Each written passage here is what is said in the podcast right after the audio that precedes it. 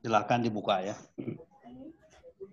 أعوذ بالله من الشيطان الرجيم أعوذ بالله من الشيطان الرجيم بسم الله الرحمن الرحيم بسم الله الرحمن الرحيم الرحيم والله يريد أن يتوب عليكم.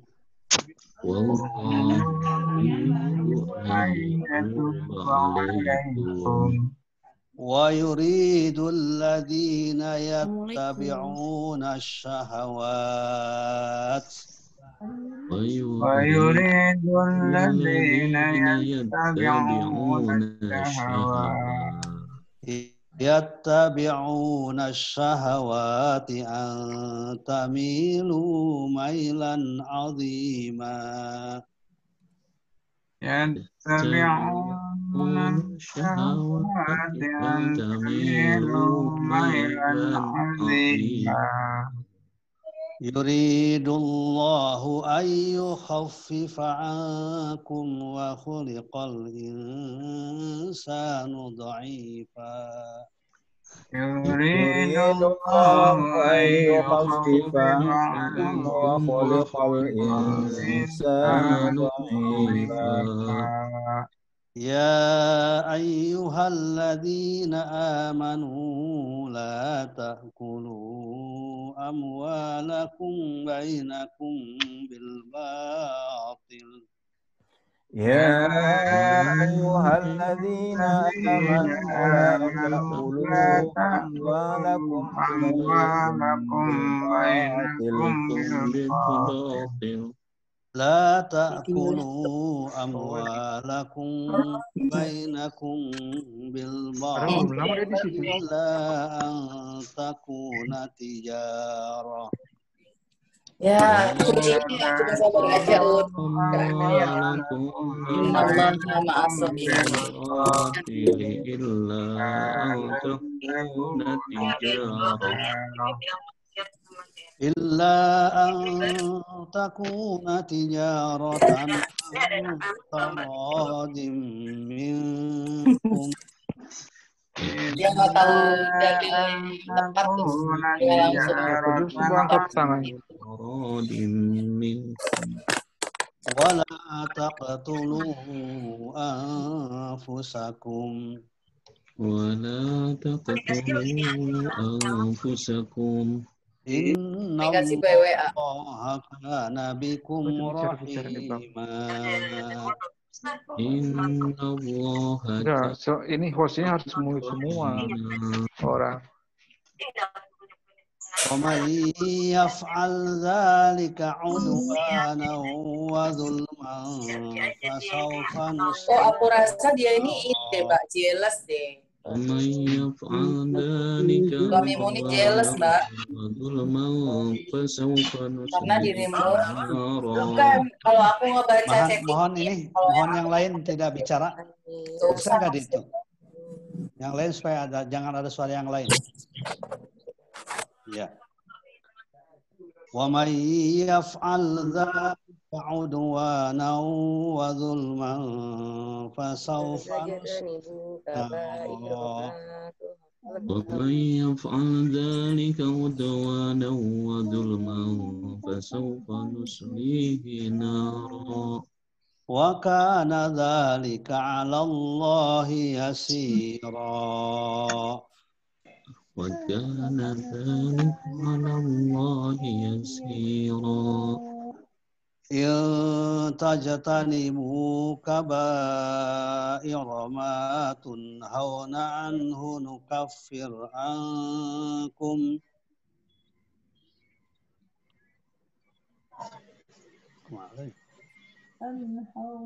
نكفر عنكم سيئاتكم وندخلكم مدخلا كريما.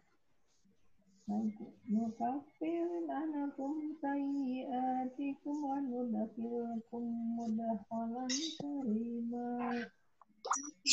ولا تتمنوا ما فضل الله به بعضكم على بعض.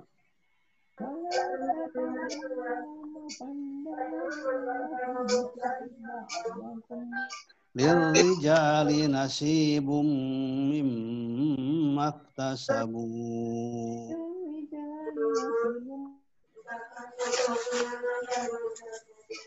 وللنساء نصيب مما اكتسبن واسألوا الله من فضله وللنساء نصيب مما اكتسبنا واسألوا الله من فضله. إن الله كان بكل شيء عليما. إن الله كان بكل شيء عليما. ولكل جعلنا موالي مما ترك الوالدان والأقربون.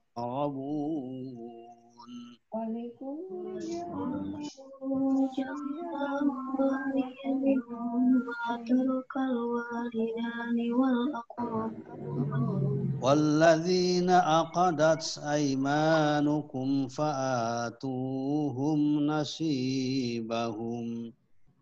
والذين عقدت أيمانكم فآتوهم نصيبهم. بهم إن الله كان على كل شيء شهيدا.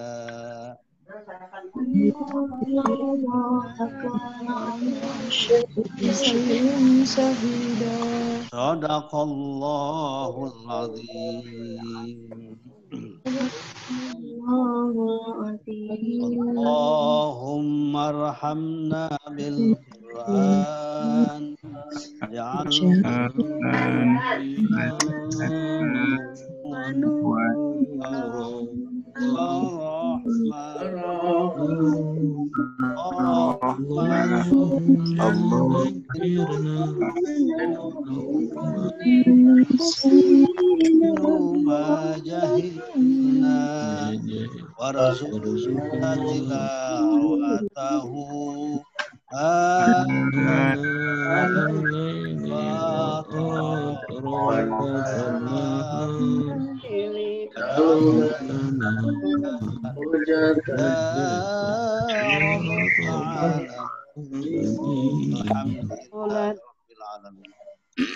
Silakan tausiahnya. Pak Rektor ada tidak? Ada, sudah ada. Belum masuk, Pak Kiai. Pak itu aja Pak Mujahidin, silakan. Oh ya. Hmm. Silakan Pak Mujahidin.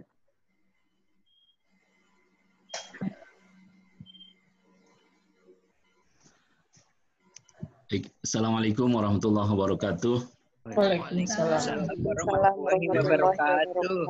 Alhamdulillah wassalatu wassalamu ala Rasulillah wa ala alihi wa sahbihi wa man tabi'ahu amma ba'du. Pak Kiai, eh, para dosen, para tenaga kependidikan yang saya hormati dan yang saya muliakan.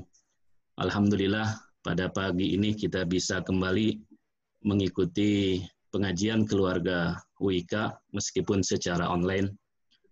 Di tengah kesibukan kita, marilah kita berdoa semoga Allah Subhanahu wa taala eh, cepat mencabut musibah ini, mengangkat virus corona, kemudian mengembalikan kita kepada kehidupan kita yang normal dan Allah senantiasa memberi kemudahan untuk kita, untuk keluarga kita dan untuk eh, universitas yang kita cintai. Ala hadiniyah al-Fatihah. Bismillahirrahmanirrahim. Alhamdulillahirabbil alamin arrahmanir rahim maliki yaumiddin. Iyyaka na'budu wa iyyaka nasta'in. Ihdinas siratal mustaqim. Siratal ladzina an'amta 'alaihim ghairil maghdubi 'alaihim waladdallin. Amin. Jamaah keluarga Universitas Ibnu Khaldun yang saya hormati, eh, salah satu eh, surah yang mungkin sangat relevan untuk kita kaji ada yaitu surah yang uh, surah Al-Lail. Allah Subhanahu wa taala berfirman, A'udzu billahi minasyaitonir rajim. Wal laili idza yaghsha. Demi malam apabila menutupi siang. Wan nahari idza tajalla dan siang apabila telah terang benderang. Wa ma khalaqa dzakara wal unsa dan penciptaan laki-laki dan perempuan. Inna sa'yakum lasyatta. Sesungguhnya usaha kamu memang berbeda-beda. Uh, Syekh Ibnu Kasir uh, menjelaskan Allah Subhanahu wa taala bersumpah Ini semuanya dengan uh, malam dengan siang adalah dengan sesuatu yang bertolak belakang, yang berbeda. Kemudian dengan laki-laki dan perempuan.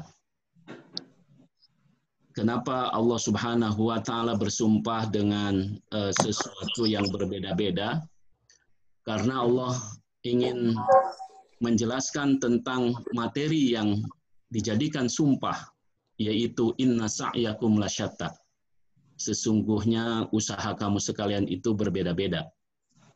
Allah ingin menegaskan bahwa kita punya usaha yang berbeda-beda. Tetapi usaha yang kita lakukan perbedaannya hanya bisa dikelompokkan ke dalam dua kelompok yaitu Fa'amma man a'ta wattaqo wa saddaqa bil husna fasanu yassiruhu lil yusra. Yaitu kelompok orang yang akan memperoleh kemudahan. Kemudian wa amma man bakhila wastaghna wa kadzdzaba bil husna fasanu lil usra. Dan yang kedua adalah kelompok orang yang akan memperoleh kesulitan. Jadi kita hanya ada dua pilihan. Apakah kita termasuk orang yang akan memperoleh kemudahan atau kita akan memperoleh uh, kesulitan. Abu Bakar radhiyallahu an bertanya kepada Rasul. Kata Abu Bakar, "Ya Rasulullah, apakah kami melakukan sesuatu yang sudah ditulis atau kami melakukan sesuatu yang baru?" Kemudian kata Rasul, "Kamu melakukan sesuatu yang sudah ditulis."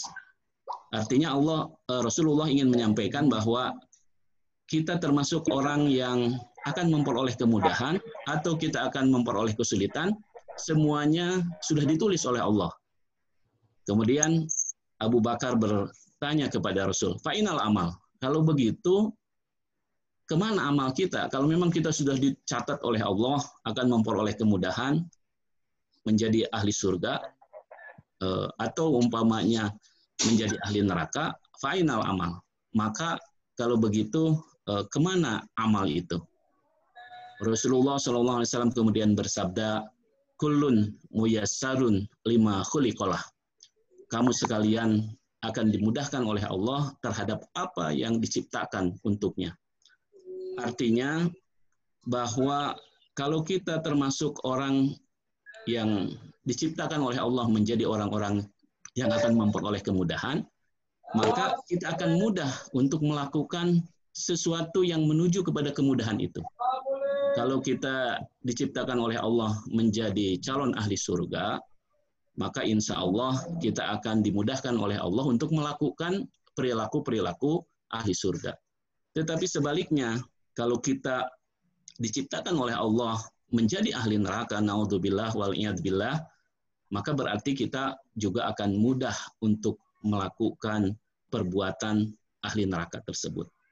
Oleh karena itu, maka kita harus membiasakan diri untuk memudahkan melakukan hal-hal yang membawa kita kepada ahli surga dan kita harus membiasakan diri untuk menjauhkan diri kita dari melakukan hal-hal eh, yang membawa kepada ahli neraka seperti yang tadi disabdakan oleh Rasul kepada uh, Sayyidina Abu Bakar yang diriwayatkan oleh Imam Bukhari, kulun muyassarun lima khuliqalah. Kamu sekalian akan dimudahkan oleh Allah terhadap apa-apa yang kamu diciptakan untuk hal tersebut. Uh, itu secara tekstual, secara kontekstual kita bisa tarik dalam kehidupan kita sekarang. kalau umpamanya sekarang umat Islam eh, secara politis eh, lebih keras, lebih sulit. Kenapa sebabnya? Karena mungkin eh, kita dididik atau pola pendidikan kita tidak mengarahkan kita untuk bisa mudah di dalam mengatasi masalah politik ini. Oleh karena itu, menjadi pelajaran kepada kita bagaimana kita mendidik diri kita, mendidik mahasiswa-mahasiswa kita agar mereka tidak tabu terhadap politik sehingga mereka terbiasa muyassarun lima khuliqalah. Kalau mahasiswa kita terbiasa dengan politik yang islami, maka insya Allah kita akan memperoleh kader yang islami. Uh, Ustadz, Pak Rektor sudah ada, sudah online. Jadi dari saya kan hanya badal aja. Saya akan kembalikan kepada Pak Rektor. Demikian dari saya. Belum selesai ada tapi. nau- Iya, Ustadz. Ya sedikit lagi, sedikit lagi. Tuntaskan dulu. Oh, tuntaskan dulu. Nanti Tuntaskan rektor yang rektor sebelumnya. setelah itu.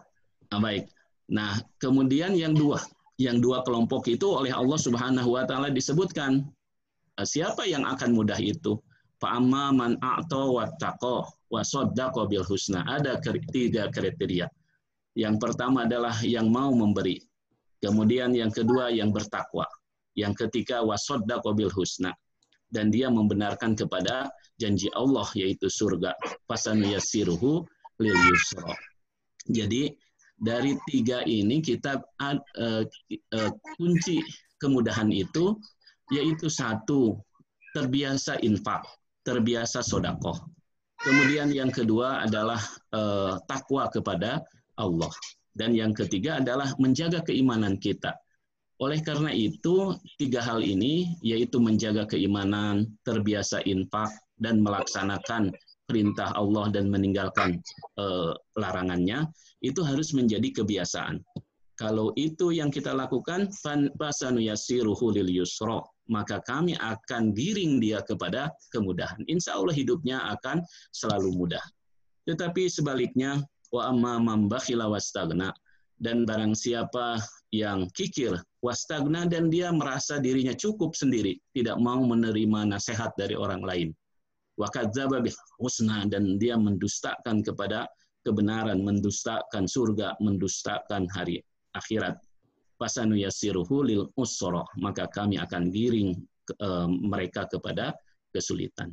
Para jamaah rahimakumullah eh, di depan kita hanya ada dua pilihan, menjadi ahli surga atau menjadi ahli neraka. Dan tidak dan tidak ada eh, di antaranya. Tidak ada al manzilah bainal manzilatain. Tidak ada tempat di antara surga dan neraka. Allah hanya menyediakan di akhirat dua surga atau neraka oleh karena itu, kita juga pilihan kita hanya dua. Satu, apakah kita mau mengikuti dakwah Rasulullah, berjuang di dalamnya, atau kita tidak mau mengikuti.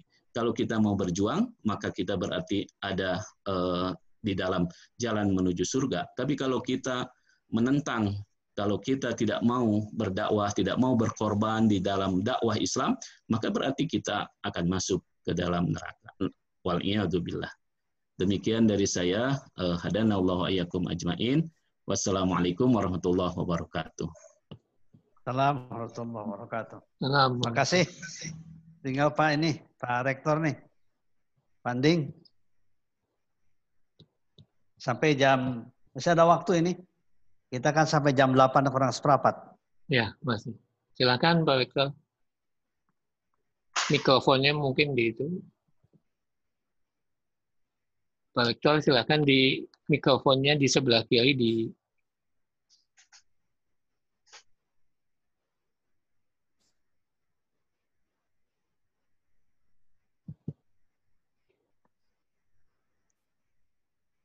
di sebelah sini kiri sini Pak Pak Rektor.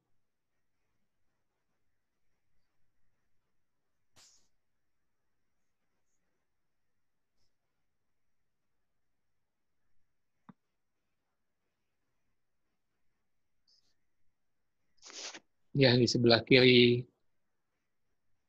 tulisan mute. Oh, Nah, oke, dah silakan. Oke, makasih. Bismillahirrahmanirrahim. Assalamualaikum warahmatullahi wabarakatuh. Waalaikumsalam warahmatullahi wabarakatuh. Pak Buya, terima kasih. Innalhamdalillah wassalatu wassalamu ala rasulillah wa ala alihi wa sahbihi wa mawala wala haula wala quwata illa billah la in syakartum la azidannakum wa la in kafartum inna azabi lasyadid Jamaah UIK rahimakumullah terutama yang saya hormati uh, Ustaz Kiai Haji Didin dan semua para jamaah UIK yang berbahagia.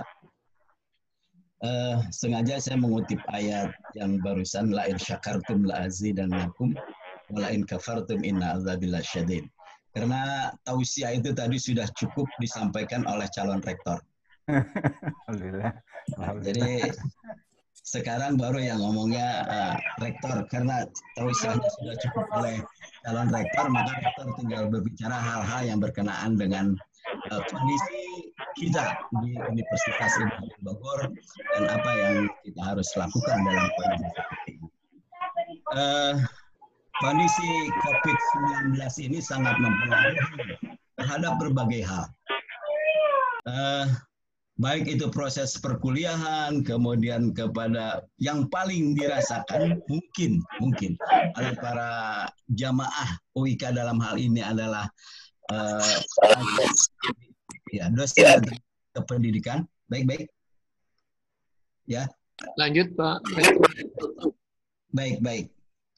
Uh, Allah tadi mengingatkan kepada kita la in syakartum la azidannakum tatkala kita bersyukur atas nikmat karunia yang Allah berikan kepada kita, insya Allah atau bahkan bisa dipastikan Allah akan menambah kenikmatan atas kesyukuran kita. Tetapi sebaliknya, tatkala kita inkar, tidak pandai bersyukur, bahkan bisa jadi mengeluh terhadap nikmat yang Allah berikan kepada kita, ingatlah sesungguhnya siksa Allah amat pedih. Bisa jadi dengan COVID-19 ini kita banyak terkena, terdampak hal-hal yang berkaitan dengan kehidupan, termasuk materi.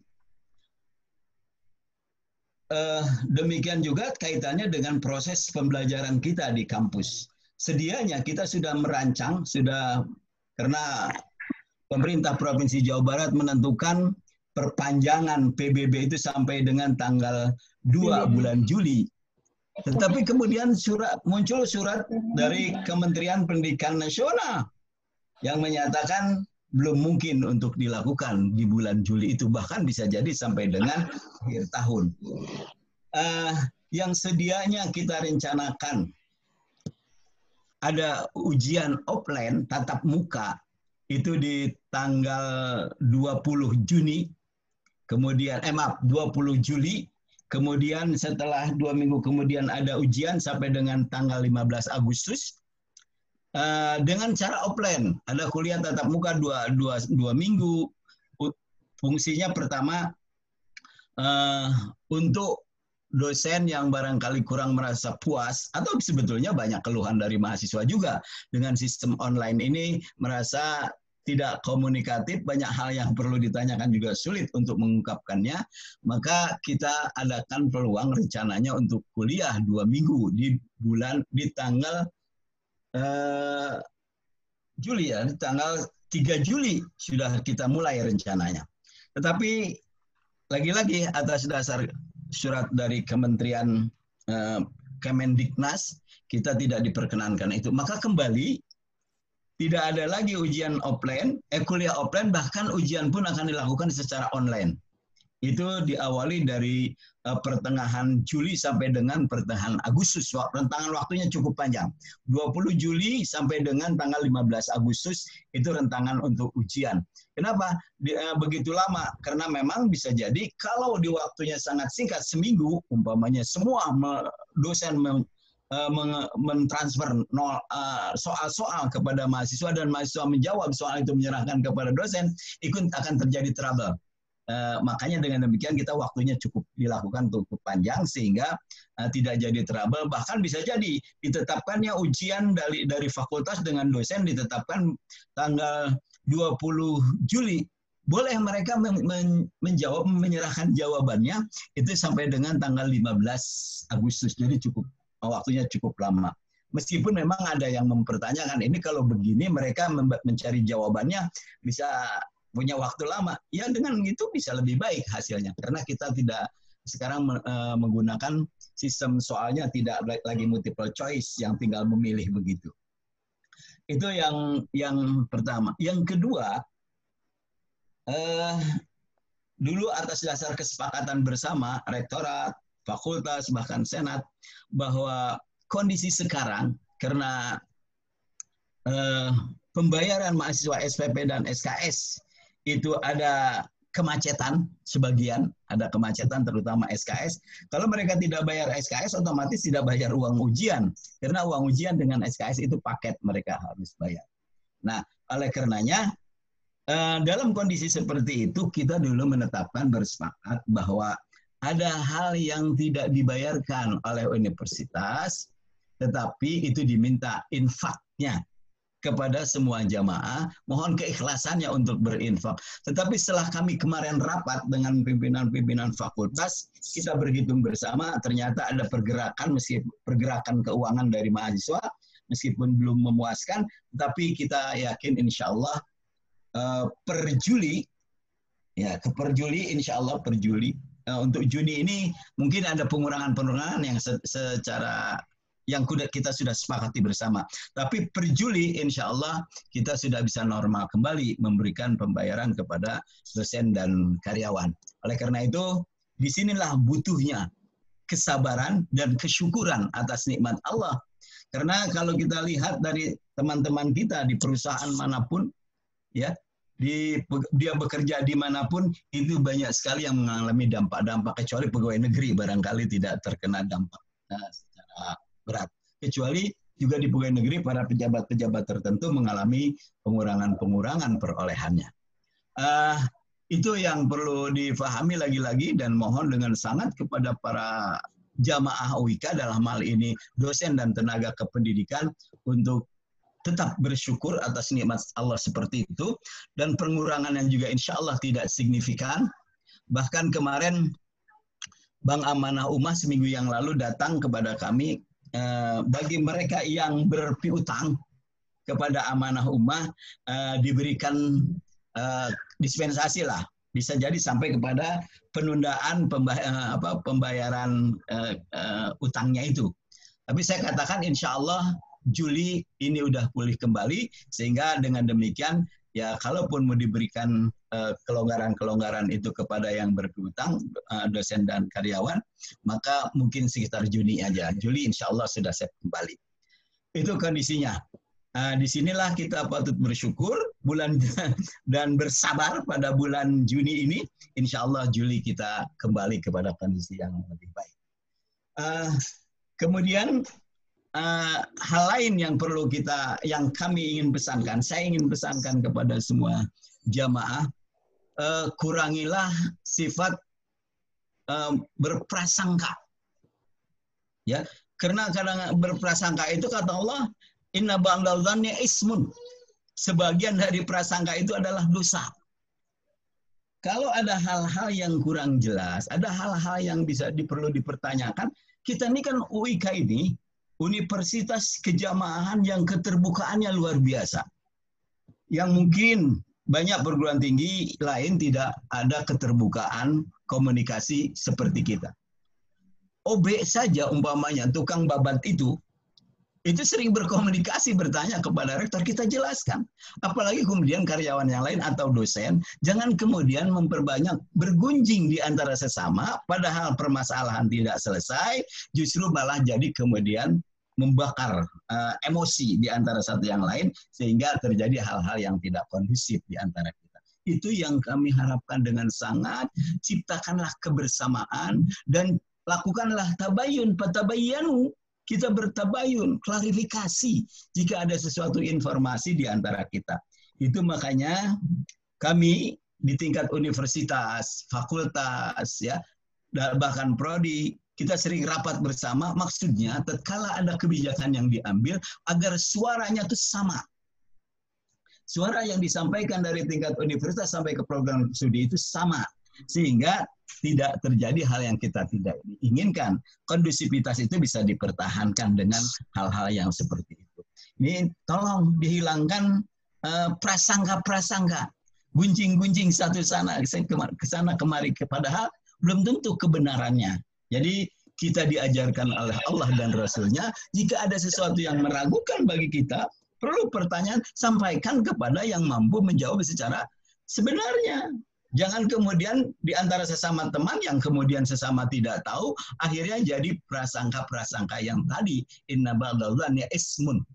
Ya, karena sebagian daripada prasangka itu sebetulnya bisa menimbulkan dosa di antara sesama kita. Mungkin itu yang saya sampaikan sebelum berakhir sebab berdasarkan SK Yayasan saya sebagai rektor berakhir tanggal 28 nih. Tanggal 28 bulan Juni. Nanti tanggal 29 itu rektornya sudah baru ya.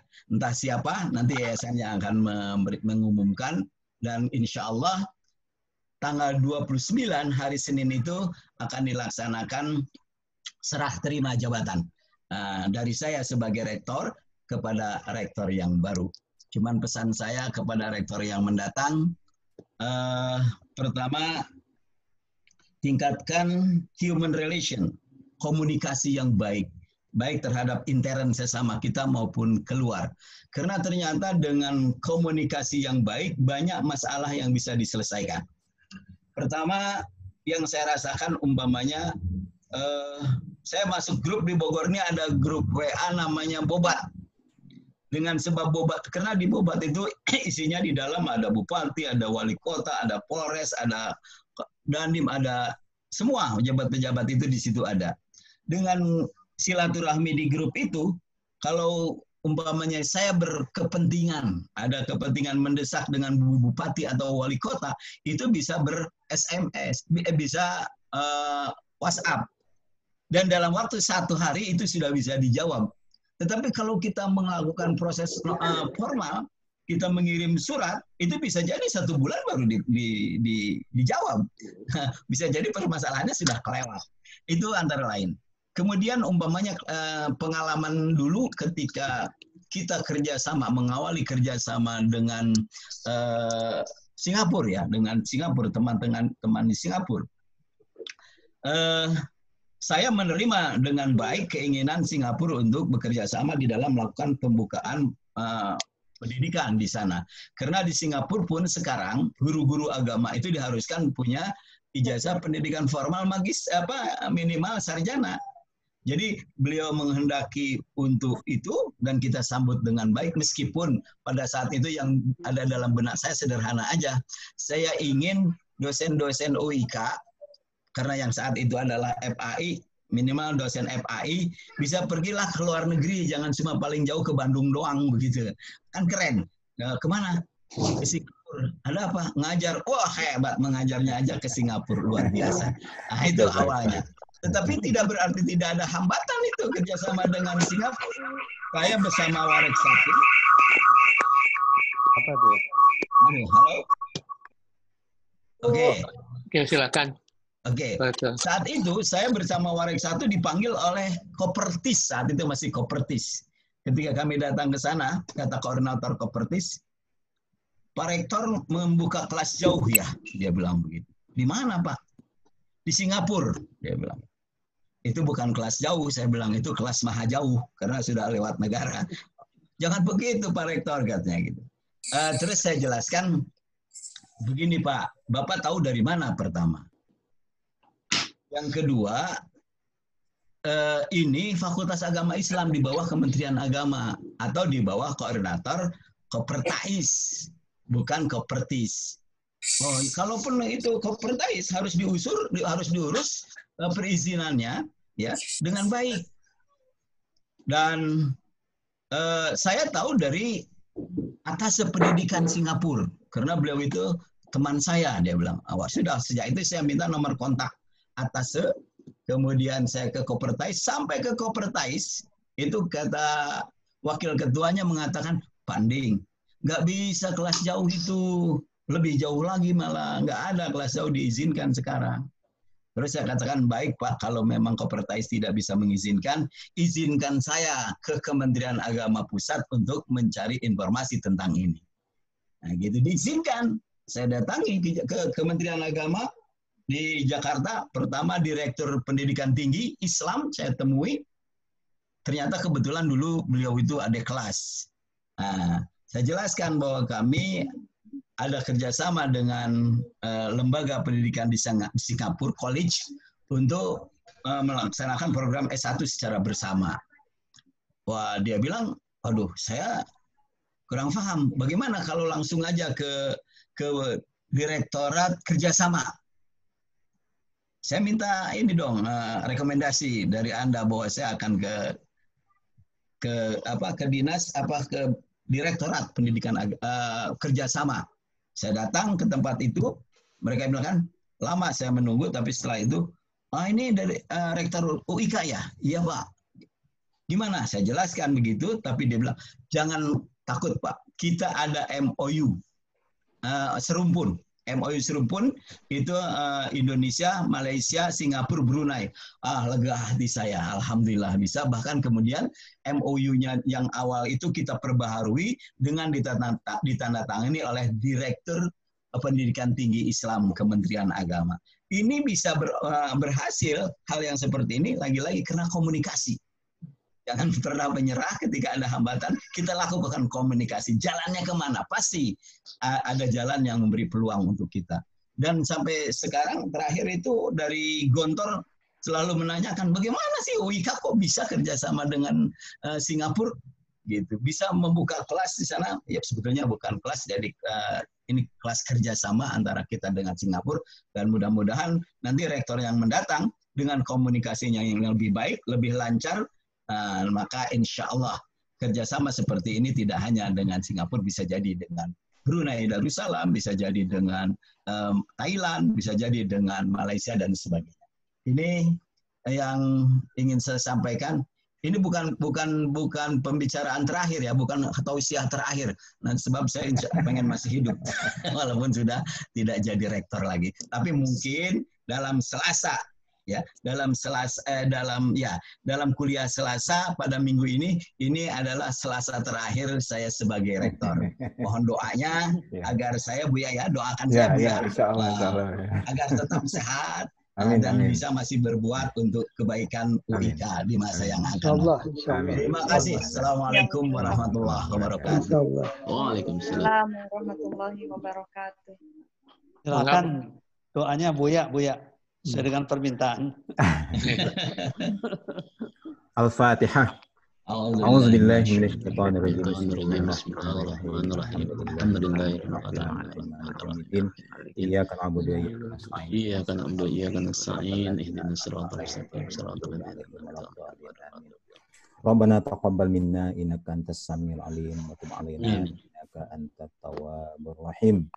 ربنا ظلمنا أنفسنا وإن لم تغفر وترحمنا لنكونن من الخاسرين آمين. Amin. اهدنا في التيسير كل عسير فإن التيسير كل عسير عليك يسير آمين. اللهم نسألك اليسر والمعافاة في الدنيا والآخرة آمين. Amin. آتنا من لدنك رحمة وهيئ لنا من أمرنا رشدا ربنا آمين. آتنا من لدنك رحمة وهيئ لنا من أمرنا رشدا آمين. ربنا آتنا من لدنك رحمة وهيئ لنا من أمرنا رشدا آمين. ربنا آتنا في الدنيا حسنة وفي الآخرة حسنة وقنا عذاب النار وصلى الله على سيدنا محمد وعلى آله وصحبه أجمعين والحمد لله رب العالمين Mari kita tutup dengan doa kifarat mas.